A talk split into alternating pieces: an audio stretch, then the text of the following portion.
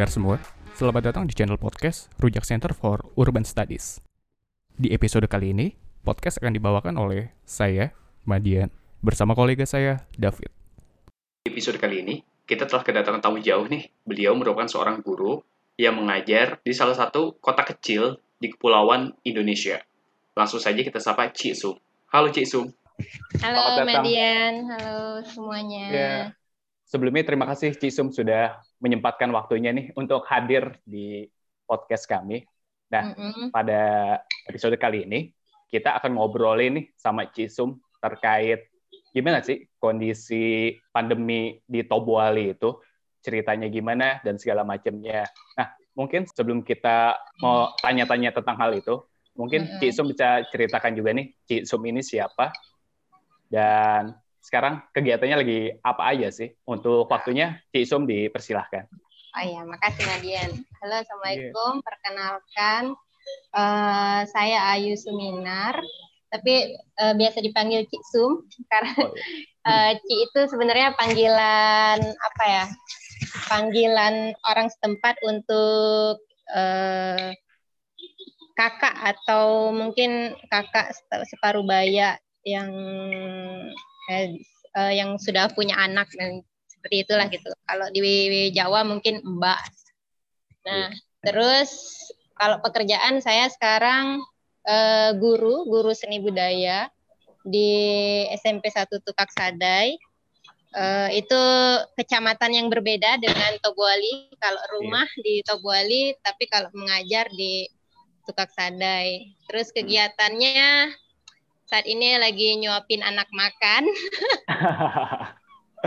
Ya. Iya, iya. Eh, karena hari ini eh, sebenarnya minggu ini tuh ujian sekolah buat kelas Sekolah, 9. Heeh. Iya. Terus saya la- kebetulan lagi nggak ada jadwal mengawas, jadi hari ini di rumah saja.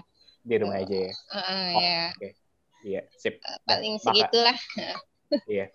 Nah, jadi alasan kita ngundang Cisum kali ini tuh karena Cisum ini dia punya pengalaman menarik nih sebagai pengajar atau guru yang ada di wilayah Tobuali. Oh ya sebelumnya Cisum bisa jelasin juga sih Tobuali itu ada di mana sih?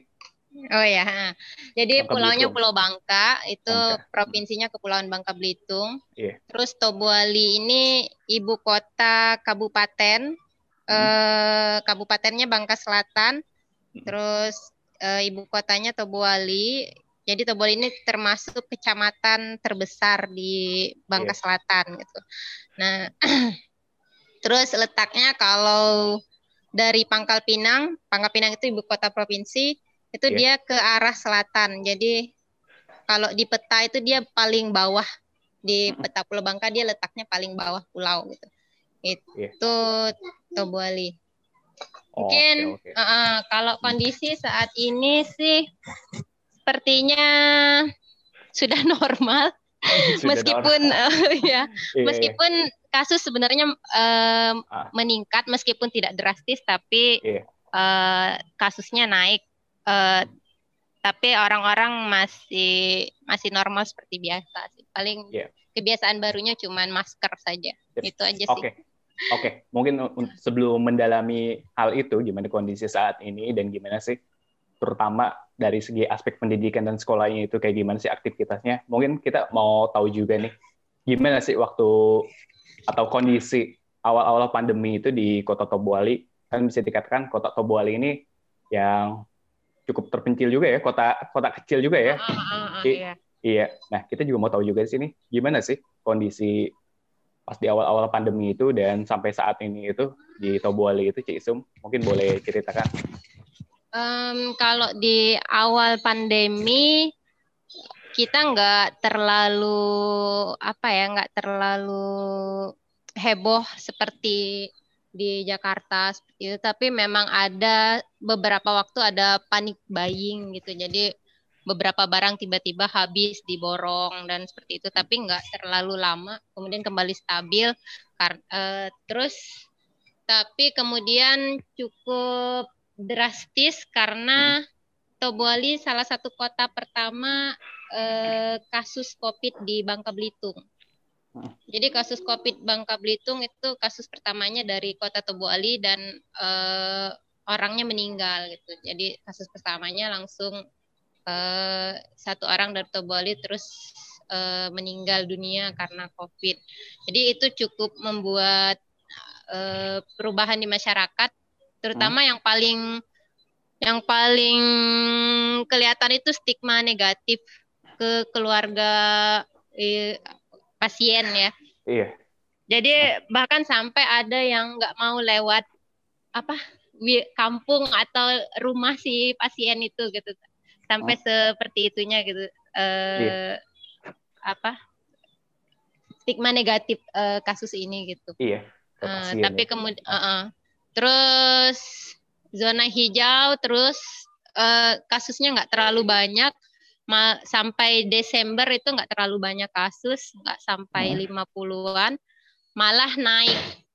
Kasusnya naik itu di akhir Desember gitu. Uh -uh. Jadi uh, akhir Desember jadi selama satu tahun COVID itu malah nggak ada nggak terlalu banyak kasus malah uh, akhir Desember kemarin baru mulai naik kasus di Tobuali itu dan kemarin terakhir ngelihat itu udah ada 400 kasus yeah. gitu.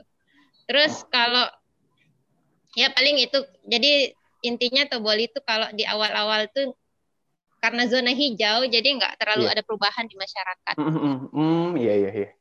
Oke oke. Nah, nah waktu di awal awal-awal itu kan kayak reaksi dari pemerintah pun juga cukup gencar ya melaksanakan PSBB dan segala macam dan berita-berita itu juga banyak memberitakan yang tapi berita-berita ini konsentrasinya banyak kan di Jawa sih yang kayak oh, iya. terkesan ketat segala macam Nah, kita juga pengen tahu sih nih terkait reaksi pemerintah di Tobuali itu seperti apa sih? Karena saya sendiri juga, saya pribadi juga nggak begitu mengikuti atau mengetahui kondisi kota Tobuali dan Bangka juga sih. Nah, ini uh, jadi lucunya, jadi pas waktu masih awal-awal kan kita zona hijau ya sebenarnya. Uh, iya. uh, tapi malah apa uh, tanggapan pemerintah itu sangat positif di awal-awal. Jadi ketika awal-awal itu terus-menerus uh, memberikan uh, apa uh, informasi. Jadi uh, seperti ada pengumuman bahwa harus menggunakan masker, terus razia masker, terus sampai semprot disinfektan secara rutin gitu kan. Uh, hmm. Itu terus-menerus sampai ada yang komplain karena apa? uh, tanaman di depan rumahnya pada rusak karena disemprot iya, disinfektan yeah, yeah. sama masyarakat sama sama pemerintah gitu kan. Nah, yeah. tapi yang jadi lucunya ketika akhir-akhir ini kasus naik malah itu sama sekali udah nggak ada. Jadi yeah. seperti tampaknya malah pemerintah sudah uh, apa ya jadi merasa ah sepertinya disinfektan itu tidak tidak efektif gitu disemprot seperti itu uh, jadi yeah jadi mereka jadi masyarakat pun jadi lebih santai gitu menanggapi mm -hmm. uh, hal ini gitu termasuk yeah, yeah. ada kalau kabar ada yang apa ada yang positif malah jadi biasa-biasa aja. Jadi rasanya kayak penyakit malaria biasa aja gitu. Dianggapnya kayak gitu gitu. Jadi malah malah di awal heboh tapi pas ke sini aja jadi jadi lebih santai. Iya. Nah aku juga mau nanya dari segi infrastruktur kan di era saat ini itu banyak dari pemerintah kota ya di tingkat kota atau provinsi itu mengupayakan pembentukan suatu macam medium lah sebagai mm-hmm. wadah informasi bagi masyarakat itu untuk mengetahui jumlah kasus sekian, jumlah pasien positif sekian dan area persebarannya sekian. Nah, mm-hmm. pasti kan pemerintah kota itu kayak mengupayakan untuk keterbukaan informasi lah mm-hmm. bagi masyarakat itu apakah hal demikian juga diupayakan oleh pemerintah kota Tobuali? Karena kan yang lagi-lagi emang perspektif yang sering disorot itu ya konsentrasinya pasti di Jawa ya di Jawa sebagai mm-hmm. pusat ekonomi dikatakan ya pasti dari segi infrastruktur lebih mendukung ya nah tapi kita kurang mengetahui nih daerah-daerah lainnya gimana sih kan banyak juga tuh kasus yang dari segi infrastruktur aja sebelum pandemi aja nggak mencukupi ya segala hmm. macamnya itu. Apalagi ini berkaitan dengan era pandemi itu yang mengharuskan pengembangan digital digitalisasi lah, digitalisasi pelayanan masyarakat ya. Nah, kalau di Iya. Kota Tobuali itu seperti apa sih, Ci? Apa dari pengalaman Ci Sum tuh? Sebenarnya sejak awal saya bahkan eh, mungkin rujak sendiri tahu ya eh, ketika eh, sejak awal kita ngobrol memang di Tobual ini sulit sekali mencari data. Iya. Eh, kadang saya punya banyak teman di rumah sakit gitu kan. Kadang mereka pun eh, eh, se- se- sedikit tertutup gitu untuk masalah ini gitu. Jadi mereka merasa tidak bukan bukan ranahnya itu untuk memberitahukan bahwa oh sekian loh jumlah kasusnya. Iya. Eh, satu-satunya informasi yang bisa saya dapat untuk perkembangan kasus itu hanya di Facebook Diskominfo. Oh, Eh, iya. itu pun di pertengahan tahun kemarin sempat menghilang. Jadi karena ah, karena karena apa zona hijau, terus mereka Hmm. merasa tidak ada kasus yang bertambah. Iya. Jadi tidak ada update dari pemerintah tentang kondisi terkini eh, perkembangan kasus COVID itu sendiri gitu.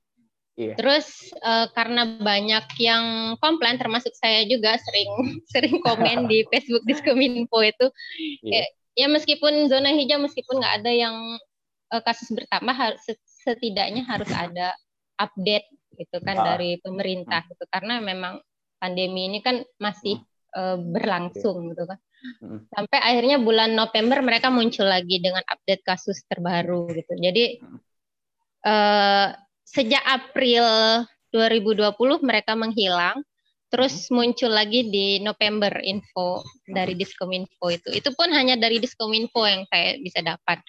Hmm, Eh, itu di Facebook ya, Mbak? Iya di Facebook. Saya juga sempat buka eh, apa website Web- Website. ya? websitenya pemerintah daerah tapi malah nggak update malah nggak ada tentang berita covid Iya. gitu. iya. Hmm. nah terus eh, nah yang akhir-akhir ini mereka masih ngupdate cuman saya jadi jadi meragukan data yang mereka update gitu jadi karena jadi kan update Diskominfo itu berdasarkan laporan dari Dinas Kesehatan. Iya. Dinas Kesehatan ini membuat update datanya berdasarkan hasil swab. Nah, hasil swab ini kan swabnya harus dikirim ke provinsi. Hasil Iya. swab ini baru keluar kadang setelah lebih dari satu minggu. Jadi Iya. update-nya orangnya udah sembuh, baru update kasusnya muncul di eh, data Diskominfo gitu. Jadi eh, contohnya kemarin Tukak Sadai itu masuk zona merah karena ada sekitar 30 orang reaktif dalam sa- hasil satu hari tracking. Ya. Terus eh, sampai sekarang belum masuk gitu data data hasil tracking Kecamatan Tukasada yang 30 Iya. orang sampai Hmm. di apa? Jadi sampai di PPKM gitu desanya Iya. nggak eh, nggak boleh kegiatan yang terlalu berkerumun sampai di isolasi isolasi desa gitu ceritanya. Iya. Itu berapa hari yang lalu, Mbak? Masih sekarang masih mereka masih di karantina. Jadi kalau saya kan di desa Tiram ngajarnya. Nah, Mm-mm. desa yang di karantina itu desa Sadai. Jadi kalau yang SMP saya masih bisa masuk tetap muka, kalau yang Sadai itu sudah daring. Karena mereka zona merah masuknya. Desanya Oh, iya, diisolasi gitu. heeh. Iya, iya. Tapi sampai sekarang datanya nggak belum masuk di Kominfo masih nol. Jadi Mm-mm. karena mungkin mereka nunggu hasil swab baru bisa update data. Sedangkan karantinanya mungkin minggu ini beres kayaknya karantinanya si masyarakat itu. jadi Jadi, dari segi, eh ya, jadi apa ya? Update datanya jadi tertinggal gitu. Mm. Kayak nggak eh, kayak teman saya cerita di Medan kan, eh, dia swab pagi, siangnya sudah keluar hasil swabnya. Tapi berbeda kalau di sini. Jadi kalau swab keluarnya seminggu, bahkan ada yang sampai dua minggu baru keluar hasil Oh. swabnya. Ah, jadi hanya Iya, iya. satu-satunya andalan itu hanya rapid antigen. Kalau rapid antigennya reaktif, mereka langsung isolasi. Sekarang Iya, ruang iya, iya. eh, yang dipakai buat isolasi itu eh, apa? Ini diklat, gedung diklat itu dipakai buat isolasi itu penuh sebenarnya. Eh, Iya, iya. Karena emang kapasitasnya nggak banyak. terus banyak yang hasil re, apa antigennya reaktif jadi Antigen, mereka ya. diisolasi semua tanpa tahu bahwa mereka positif atau enggak gitu Oh iya iya. iya. oh Terus, ya jadi. Kalau yang bergejala baru mereka dibawa ke rumah sakit. Jadi kalau yang reaktif di karantina. Siswa saya juga sempat satu orang kemarin di karantina. Itu bahkan sampai dia keluar karantina sebenarnya enggak apa hasil swabnya itu belum keluar gitu. Tapi karantinanya udah selesai. Oh, jadi mereka bilang ah jadi nggak ada swab kedua. Gitu. Di sini karena Jadi swab pertamanya ah. nggak keluar keluar Iya, jadi bisa dikatakan cukup lamban ya terkait Iya, hal iya. itu karena pengalaman saya juga kebetulan keluarga saya juga pernah terkena positif dan Mm-mm, itu mm-mm. kalau dari bahkan di tingkat puskesmas ya di puskesmas kelurahan itu pun lima hari keluar lima hari Heeh. swab itu keluar di Heeh. Jakarta sih memang iya ah. tapi tapi ini mencerminkan suatu ketimpangan lah ya ketimpangan infrastruktur antara ah, ah. Kota yang ada di Jawa dan kota yang ada Iya, di Bangka heeh. Belitung. Padahal kan seharusnya di keadaan seperti ini bahkan Ah, ah. masyarakat itu dinaungi ya Mbak ya oleh infrastruktur yang memadai dan berkualitas juga dari Ya, Oh. eh ya karena memang Bangka Selatan sendiri belum bisa apa ya, belum punya lab buat eh, pemeriksaan Oh, hasil swab PCR. Jadi Iya. hasil swabnya harus dikirimkan ke Pangkal Pinang. Nah, sedangkan Pangkal Pinang itu kan eh, rumah sakit provinsi itu, jadi Hmm. dari semua kabupaten masuk semua ke situ. Jadi Hmm, makanya hmm, kenapa lama? Jadi karena memang banyak eh, sampel yang masuk ke mereka. Gitu. Iya, jadi iya, mereka, eh, eh, jadi bahkan sempat gubernur itu kalau nggak salah buka lab baru itu di Kabupaten Bangka itu supaya tidak kewalahan yang lab provinsi Iya, iya. karena kasihan sekali mereka satu hari bisa sampai seribu lebih sampel untuk diperiksa gitu. itu sebangka Belitung Oh, kalau ini- salah kemarin Iya. gubernur mengupayakan ada satu lab di Belitung terus ditambah lagi ada lab baru di Kabupaten Bangka kalau nggak salah itu supaya eh, membantu lab Pangkal Pinang itu Iya iya iya. Ini salah satu fakta menarik sih. Jadi kota Pangkal Pinang itu ibaratnya lab yang ada di situ tuh sebagai penopang kota-kota lainnya yang ada di Bangka ya, Mbak, bisa dikatakan Iya, demikian. Iya, oke oke oke. Tapi kalau dari pengalaman Cisem sendiri itu Tobuali sebelum pandemi dari segi infrastruktur itu cukup memadai gak sih, Mbak? Buat masyarakatnya sendiri. Misalnya kayak untuk mengak- mengakses kesehatan lah segala macamnya itu termasuk mudah gak sih? Kalau kesehatan, jujur saja ya eh, masih kurang menurut saya gitu kan, Eh, karena emang rumah sakit daerahnya emang belum memadai gitu dari segi alat dan eh, fasilitas juga gitu. Tapi sampai saat ini sih mereka masih terus berupaya gitu untuk Berupaya. meningkatkan eh, apa fasilitas kesehatan yang ada gitu kan. Oh, berarti kalau Terus ah, iya. Heeh. Malah saya malah apa ya respect dengan perkembangan puskesmas saat ini gitu. Jadi Mm. eh, orang-orang jadi lebih senang ke puskesmas terlebih dahulu daripada ke rumah sakit langsung gitu. Karena memang eh, puskesmas sekarang sudah bisa rawat inap. Iya. Jadi eh, eh, jadi karena di sini mungkin karena jangkauan rumah sakit itu kan cuma satu Hmm. eh, di Tobuali. Jadi untuk kecamatan-kecamatan yang lain itu eh, puskesmasnya diusahakan ada rawat inap. Jadi Iya. untuk yang apa ya pasien-pasien yang di luar eh, jangkauan rumah sakit itu mereka kebanyakannya lebih memilih ke puskesmas. Hmm. Paling kalau memang sudah harus operasi mungkin mereka baru bisa eh, baru mau ke rumah sakit. Iya, Kalau eh, eh, paling kalau operasi eh, sudah bisa, bahkan teman saya udah bisa sesar di sini kemarin. Kalau fasilitas seperti itu, Itu di rumah sakit, Mbak? ya rumah sakit. Iya, di rumah sakit ya. Eh, kalau kalau sebelumnya kalau mau sesar harus ke Pangkal Pinang. Allahu Akbar. Ya, jadi kalau Itu- sekarang eh, baru sih baru berapa tahun ke belakang, dua Jadi tahun itu- atau tiga tahun. Di dalam satu wilayah kota Tobuali itu rumah sakit cuma ada satu mbak. Itu rumah sakit daerah aja. Sekabupaten, Oh, Sekabupaten. sekabupaten. Ya, cuman satu sekabupaten. rumah sakit umum. Oh, alah. Aduh, ini suatu fakta yang menarik banget nih bagi saya pribadi. Ya, Kalau Mm-mm. tapi di- memang iya. nyari dokter juga susah sih kalau dulu sih. Baru baru beberapa tahun ke belakang ini baru mulai banyak dokter, baru muncul dokter terus dokter eh, apa penyakit dalam yang seperti itu. Kalau kalau dulu kalau penyakitnya sudah di luar dokter umum harus ke Pangkal Pinang. Iya. Oh, Mm-mm. jadi juga jaraknya juga cukup lumayan, Mbak ya. Kalau jarak tiga jam Tiga jam naik ya. mobil tanpa lampu merah, Iya. lampu Itu- macet. Iya sih. Cuman saya nggak kebayang aja sih, apalagi kalau di keadaan kritis ya. Iya emang iya. Harus- dan harus menempuh jarak tiga jam itu itu bukan waktu yang cepat ya Mm-mm. untuk uh, untuk penanganan. Aduh, ini Iya, kalau sebenarnya kalau speed di atas 80 bisa dua jam. Iya. Tapi resikonya karena jalan juga kan nggak nggak sepenuhnya kayak jalan tol kan. Jadi Mm-mm. harus hati-hati juga kalau di jalan, apalagi kalau bawa yang sakit. Hmm, iya iya iya. Nah, nih, Cik, menurut pendapat Cik Sum aja, aduh, saya manggilnya nggak konsisten ya. Tadi Mbak, sekarang Cik. Maaf ya, Cik. Nggak apa-apa. Iya, iya. Iya, ya.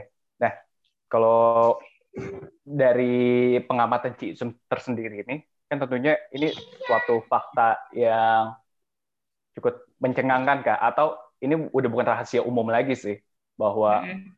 bahwa fasilitas yang ada di luar Pulau Jawa itu pasti ya banyak yang belum mencukupi ya. Tapi Mm-mm. tentunya keadaan pandemi itu ibaratnya kayak menunjukkan kekurangan atau borok borok dari infrastruktur atau struktur wilayah itu tersendiri kan misalkan sebelum pandemi kayak infrastruktur kesehatan itu kurang banget dan di masa pandemi itu kekurangan infrastruktur itu pun dirasakan kan akib Mm-mm. dampaknya karena kurangnya itu nah tentunya seharusnya ya idealnya itu ada respon dari pemerintah untuk mengupayakan pembentukan atau perubahan lah ya terkait infrastruktur kesehatan. Nah, apakah di kota Tobuali itu sendiri ada inisiatif?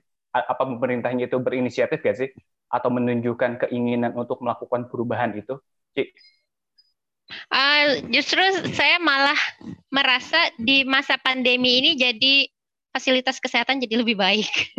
oh, iya, Iya, iya, iya. jadi jadi bahkan sampai ada eh, kayak komunitas masyarakat kalau di sini lazismu itu bahkan eh, Oh, iya. mereka eh, kemarin tahu akhir-akhir tahun kemarin sempat apa membuka sumbangan buat sumbangan nih. eh, eh, buat beli ambulans gitu. Jadi eh, dari masyarakat pun bahkan dari eh, komunitas gitu kan lazismo itu malah me- apa menyediakan fasilitas ambulan untuk eh, masyarakat eh, eh, yang yang membutuhkan gitu. Jadi ambulan gratis gitu untuk masyarakat.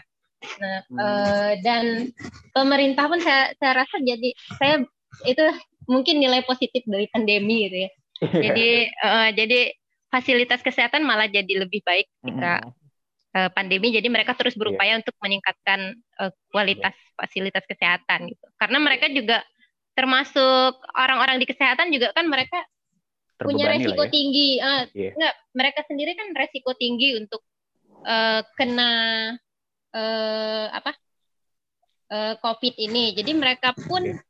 untuk merasa bahwa fasilitas kesehatan ini penting untuk mereka sendiri bekerja lebih nyaman gitu ya Nah, jadi eh, fasilitas kesehatan jadi jadi lebih baik dan pelayanan kesehatan jadi lebih baik selama pandemi Iya benar-benar. Jadi ada ibaratnya pemerintah benar-benar belajar lah ya pemerintah Iya, provinsi eh. itu benar-benar belajar dari kondisi saat ini bahwa bahwa kita ini harus ada perubahan lah ibaratnya kayak membuka mata kondisi krisis ini. Nah, oke. Kemudian nih, Ci, dari tadi kita udah ngobrolin terkait infrastruktur segala macamnya yang cukup mencengangkan apa yang fakta-fakta yang ada di Tobuali itu sendiri. Nah, sekarang saya ingin mendalami lagi nih terkait aspek pendidikan nih, karena kan Cisum background-nya itu pendidikan ya, seorang guru Iya. mengajar. Nah, bisa ceritakan nggak sih Cisum tantangan-tantangan selama pandemi ini pengajaran gitu? Apalagi tentunya dengan pengajaran yang WFH segala macamnya itu ya tentunya akses internet dan segala macamnya Iya. itu daerah-daerah luar Jawa itu ya suatu benar-benar tantangan banget sih atau suatu hambatan juga lah bagi sebagian Heeh, anak heeh. didik ya siswa dan orang tua. Nah bisa ceritain gitu ya, pengalamannya Ciksu. Eh, kalau di awal pandemi itu saya sendiri gitu sebagai guru merasa lost control pada eh, siswa-siswa saya gitu. Iya. Eh, jadi saya nggak bisa mengamati perkembangan eh, belajar mereka dengan baik di awal-awal pandemi karena benar-benar hanya eh, lewat WA. Jadi sekolah kita memang eh, kondisi rata-rata anak-anaknya itu kan di, eh, masih banyak di bawah eh, ekonominya kelas menengah ke bawah. Iya. Jadi eh, sulit gitu untuk Mm-mm. mengharapkan mereka aktif di apalagi kalau Zoom gitu kan. Di WA Iya. aja kadang Mm. eh, sulit sekali menghubungi mereka. gitu. Nah, kemudian eh, terus itu berlanjut sampai di awal tahun ajaran baru tahun kemarin. Jadi sekitar bulan Juli itu karena kita zona hijau, jadi eh, dinas pendidikan memutuskan untuk tatap muka. Oh Meskip- iya, iya, iya. Ya, Ah. jadi meskipun terbatas, kita bisa tatap muka. Nah, Ah. dari situ kami merasa sangat bersyukur dengan tatap muka itu biarpun hanya setengah. Jadi Ah. eh, siswanya hanya setengah dari jumlah kelas. Hmm. Eh, kemudian jam mengajarnya pun dikurangi gitu yang biasanya 40 menit jadi 30 menit untuk mengajar. Eh, tapi itu benar-benar apa ya? angin segar gitu buat kami eh, Para guru mengontrol siswa ya Iya, benar. siswa pun merasa begitu. Jadi mereka yang kesulitan belajar sendiri di rumah merasa eh, lebih nyaman gitu eh, Mm. ketika bertemu dengan teman dan guru-gurunya di sekolah Iya. gitu. Hmm. Nah, eh, kemudian eh, ketika kasus meningkat eh, lebihnya sih di tahun ini ya. Kalau yang Iya. tahun kemarin karena masih zona hijau, eh, zona hijau, kita masih bisa tatap muka terus sampai akhir semester di Hmm. pertengahan Desember.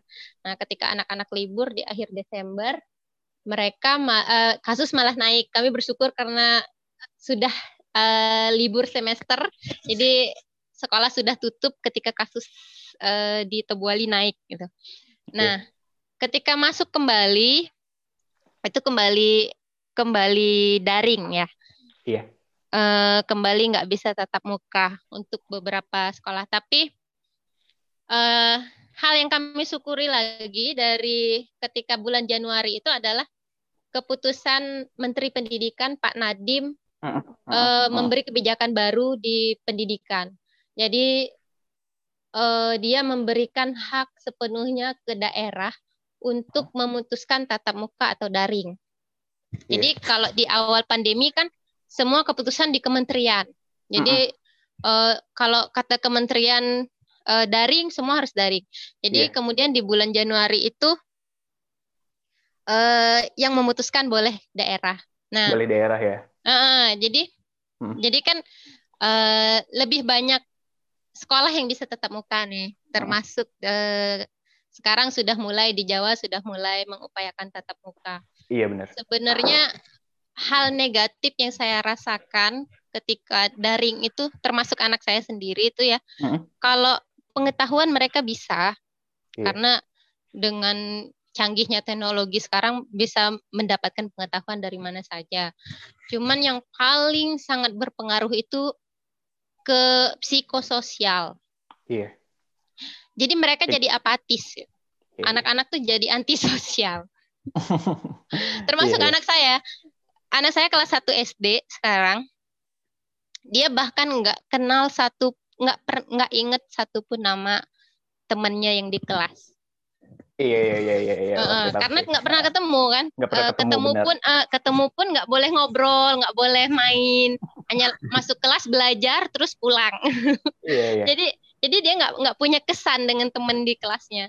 Anak-anak SMP juga sama itu. Jadi jadi pendidikan benar kata Pak Nadim eh, Hmm. kita sudah meng- pendidikan kita sudah mulai mengalami kemunduran karakter. Mm-mm. Jadi eh, eh, jadi bukan kalau pengetahuan mungkin bisa lah anak-anak sekarang bahkan lebih jago dari gurunya tentang pengetahuan gitu. Tapi karakternya yang semakin merosot gitu. Makanya kenapa Nadine terus eh, mengupayakan supaya bisa tatap muka. Iya. Nah, contohnya sekarang kan yang diutamakan vaksin dulu tenaga pengajar. Iya benar. Tenaga pengajar. Eh, eh, karena memang dia eh, Pak Nadim itu pengen sekolah segera tatap muka. Alhamdulillahnya di kita di Tobuali dan sekitarnya, jadi dinas pendidikan tuh kebijakannya gini. Hmm. Kalau jadi per kecamatan, jadi kalau kecamatannya zona hijau boleh tatap muka. Jadi setiap minggu kita diupdate oleh dinas pendidikan, ditanya eh, sekolah eh, memberikan laporan mulai Senin sampai satu minggu ke depan tatap muka atau daring. Jadi dilaporkan. Jadi sekolah saya sempat eh, satu eh dua minggu daring, dua minggu tatap muka, dua minggu daring, dua minggu tatap muka gitu. Hmm, Iya, iya, Jadi iya, iya. eh, jadi tergantung kasus. Termasuk Iya. di Toboli juga sama. Jadi Hmm. nggak full daring gitu. Jadi masih bisa ketemu dengan siswa Masih meskipun eh, Iya. pakai SIP gitu. Jadi itu mungkin eh, apa ya? Saya sangat menanggapi positif kebijakan baru Pak Nadim bahwa apa eh, daerah boleh menentukan sendiri Hmm. Karena daerah sendiri yang tahu kondisi daerahnya masing-masing Iya benar. tentang tatap Karena muka bisa, dari. iya. Karena Uh-uh, bisa karena- di generalisir sih ya. Iya, karena Ah. sebenarnya Indonesia itu diuntungkan dengan wilayahnya yang kepulauan gitu kan. Iya, iya. Heeh, karena nggak nggak semua pulau zona merah kan. Jadi mung- bisa aja mungkin yang benar-benar nol kasus gitu di daerahnya. Iya, Jadi iya itu benar. mereka bisa sekolah dengan full Ah. tatap muka malah. Iya Jadi sih benar. heeh, heeh. Jadi itu kebijakan kebijakan menteri eh, jadi apa salah satu angin segar buat para guru. Iya, iya benar benar benar benar. Karena kalau menurut saya sendiri ini kondisi pandemi ini ibaratnya bagi peserta didik ya. Kalau aku sih merasanya atau memandangnya itu kayak bakalan ada gap generation gitu sih. Ci. Iya, heeh, heeh. Uh, jadi kayak ada suatu generasi yang hilang aja sih. Kalau dari apalagi terutama anak-anak yang baru sekolah ya kayak kelas 1 segala macam. Tentunya kan mereka Iya, heeh. tentunya kan kita kita itu sebenarnya dihadapkan pada varian atau keberagaman orang-orang itu yang berbeda-beda. Mungkin ada yang orang tuanya peduli dan segala macamnya, tapi ada yang orang tuanya acuh kan bahkan. Iya, Yang tentunya yang tentunya kita pertanyakan sih efektivitas WFH ini gimana sih? Uh, kalau aku sih kayak gitu sih, Ci. Iya. Emang bener sih, emang eh, sebenarnya jadi lebih akhirnya kan kembali ke siswanya masing-masing dan eh, kondisi keluarga juga gitu kan. Hmm. Kalau anak SD mungkin masih masih ada orang tua kalau apalagi kelas rendah itu mungkin Iya. orang tuanya masih memperhatikan belajarnya gitu kan. Karena yang eh, megang kontak gurunya kan orang tua. Jadi Orang tua, otomatis iya. orang tua mengetahui kan kapan eh, gurunya ngasih tugas, tugasnya apa itu orang tua mengetahui. Iya. Nah, tapi ketika jangankan SMP, SD kelas atas misalnya dari kelas 4 sampai kelas 6 itu orang tua udah mulai lepas tangan. Mereka sudah merasa anaknya sudah bisa mengakses tugas sendiri Mengakses tugas eh, sendiri. eh, dan dan mereka akhirnya eh, jadi tidak memperhatikan termasuk Hmm.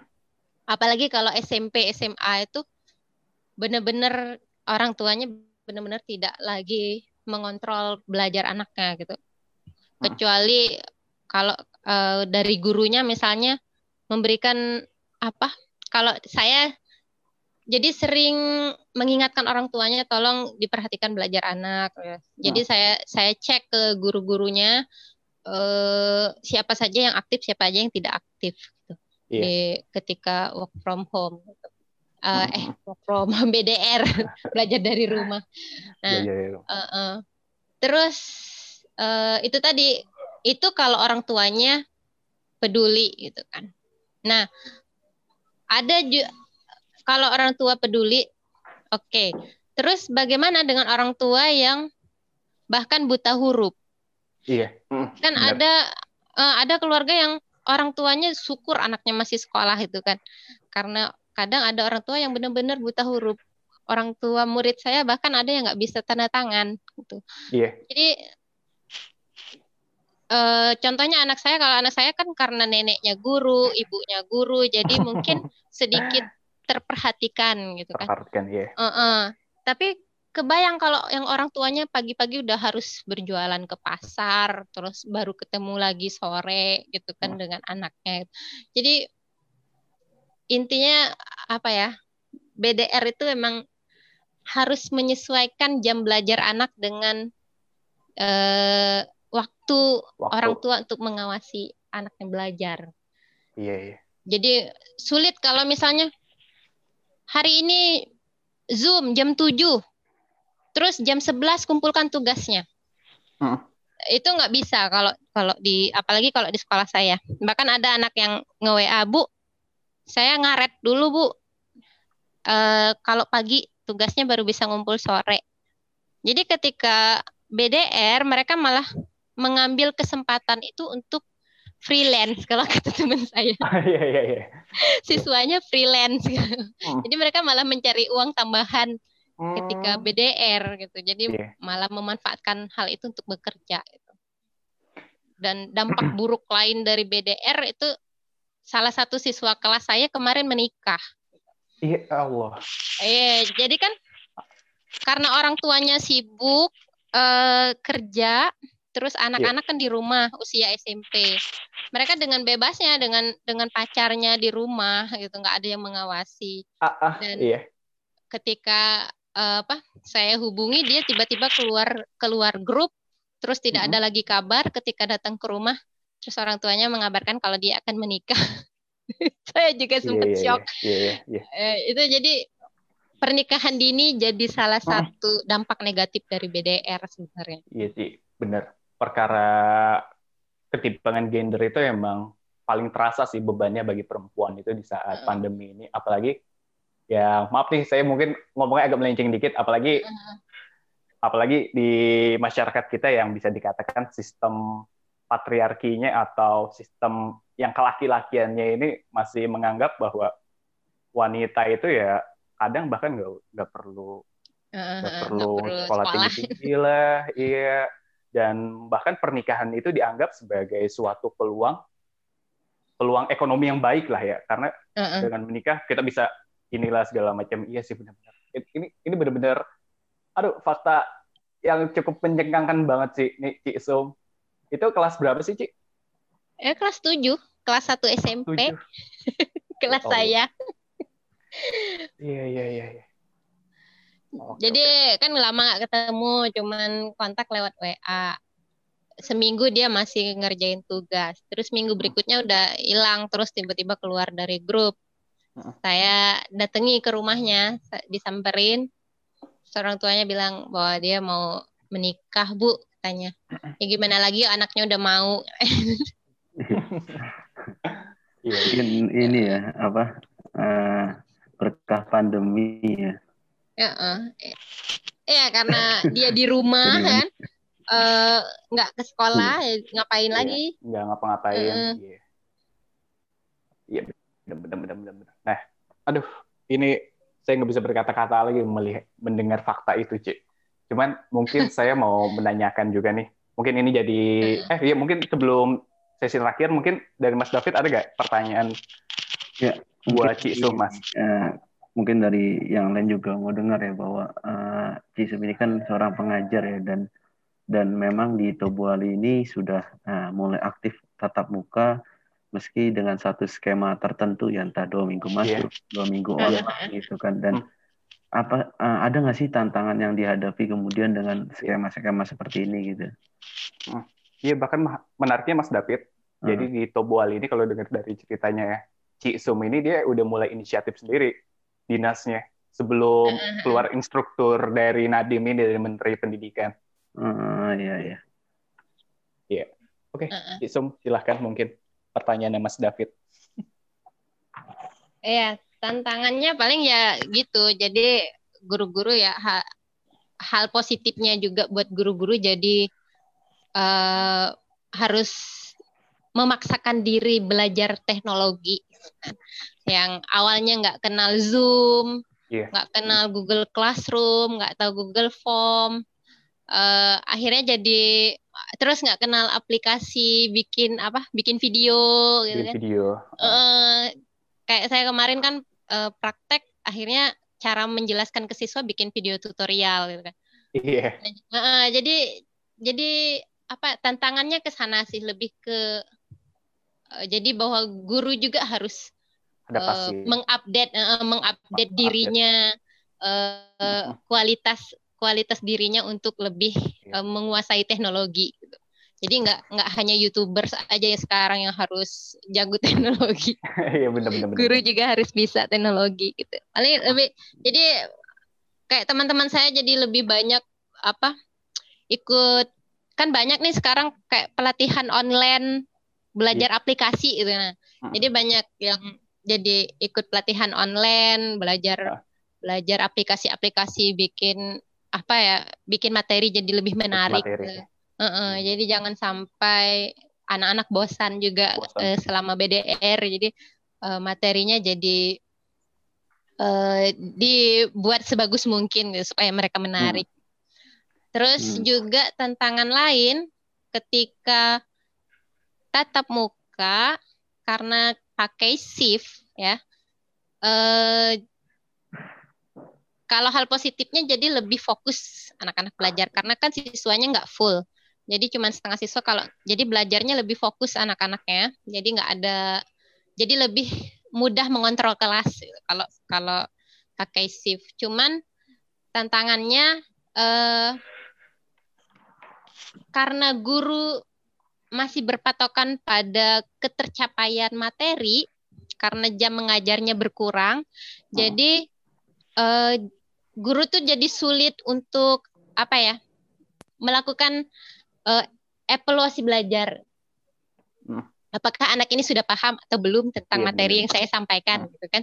Nah itu yang yang sulit gitu. Jadi membuat evaluasi belajar dan memberikan timbal balik ke anak. Jadi kalau di eh, kelas normal, misalnya setelah eh, tes, setelah ujian misalnya kan, setelah tes misalnya ada ada pembahasan materi mana aja soal yang salah, mana yang benar gitu. Terus kalau praktek misalnya, oh kamu kekurangannya di sini. Nah jadi eh, sulit karena waktunya terbatas, terus pakai shift, terus memperhatikan eh, mengevaluasi anak-anak tuh jadi jadi harus eh, cari apa ya waktu yang leb- eh, Iya. waktu yang tepat juga ke anak-anak. Jadi contohnya misalnya apalagi kalau yang BDR tuh, nah Bu ngumpulin tugas, kan kita ngoreksinya kan eh, secara online gitu kan. Jadi Iya iya iya. ngasih hasil koreksian ke anak-anak itu kadang kapan ya harus harus dikasih tahu ya oh kamu salahnya di sini nah jadi sulit gitu Per- kalau di kelas kan eh, dibahas langsung ke orangnya Dibahas anaknya langsung, dipanggil iya eh, dan Ah. lihat langsung jadi itu sih lebih ke tantangannya lebih ke memberikan evaluasi dan timbal balik ke anak-anaknya itu jadi lebih sulit terus Iya sih. itu tadi yang tantangannya memberikan apa pelajaran karakter ke siswa jadi eh, cukup berat sih. Contohnya dia ngumpul tugas ke WA itu cuman eh, pakai ping, Pakai Bu ngumpul tugas.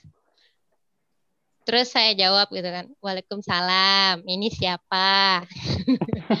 Jadi apa ya, dari hal itu saja kan karakternya cara cara berbicara lewat WA ke orang yang lebih tua juga jadi harus diajarkan juga ke mereka gitu. Iya, Nah, benar. kalau nge-WA guru, nge-WA orang tua itu pakai salam yang benar, kasih Mm-mm. nama gitu. Iya. Jadi hal-hal seperti itu pun jadi akhirnya Mm, mm, mm.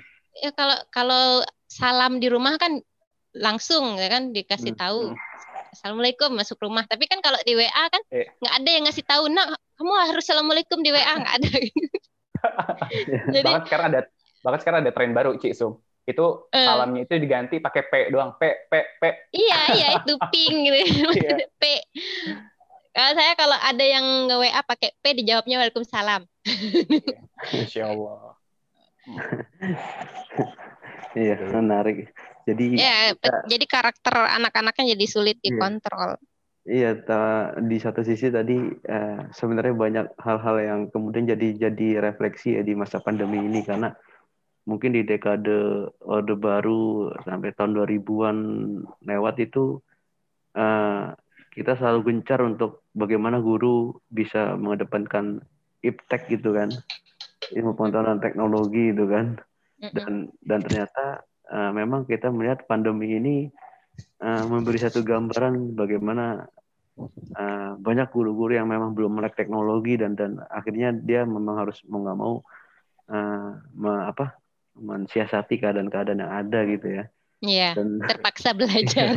Iya. revolusi mental terhadap teknologi ini benar-benar terjadi sekali di masa pandemi ya. Iya, iya. menarik Ada lagi, Mas David?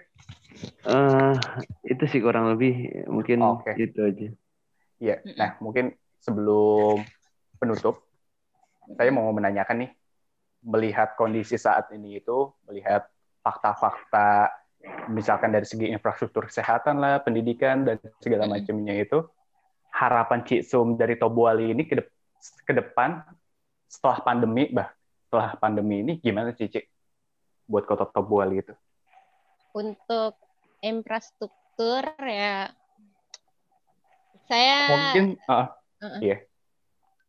ya saya ah. be- eh, ya mungkin sorry, sorry, sorry. Ya, Cik Sum, Heeh. lanjut.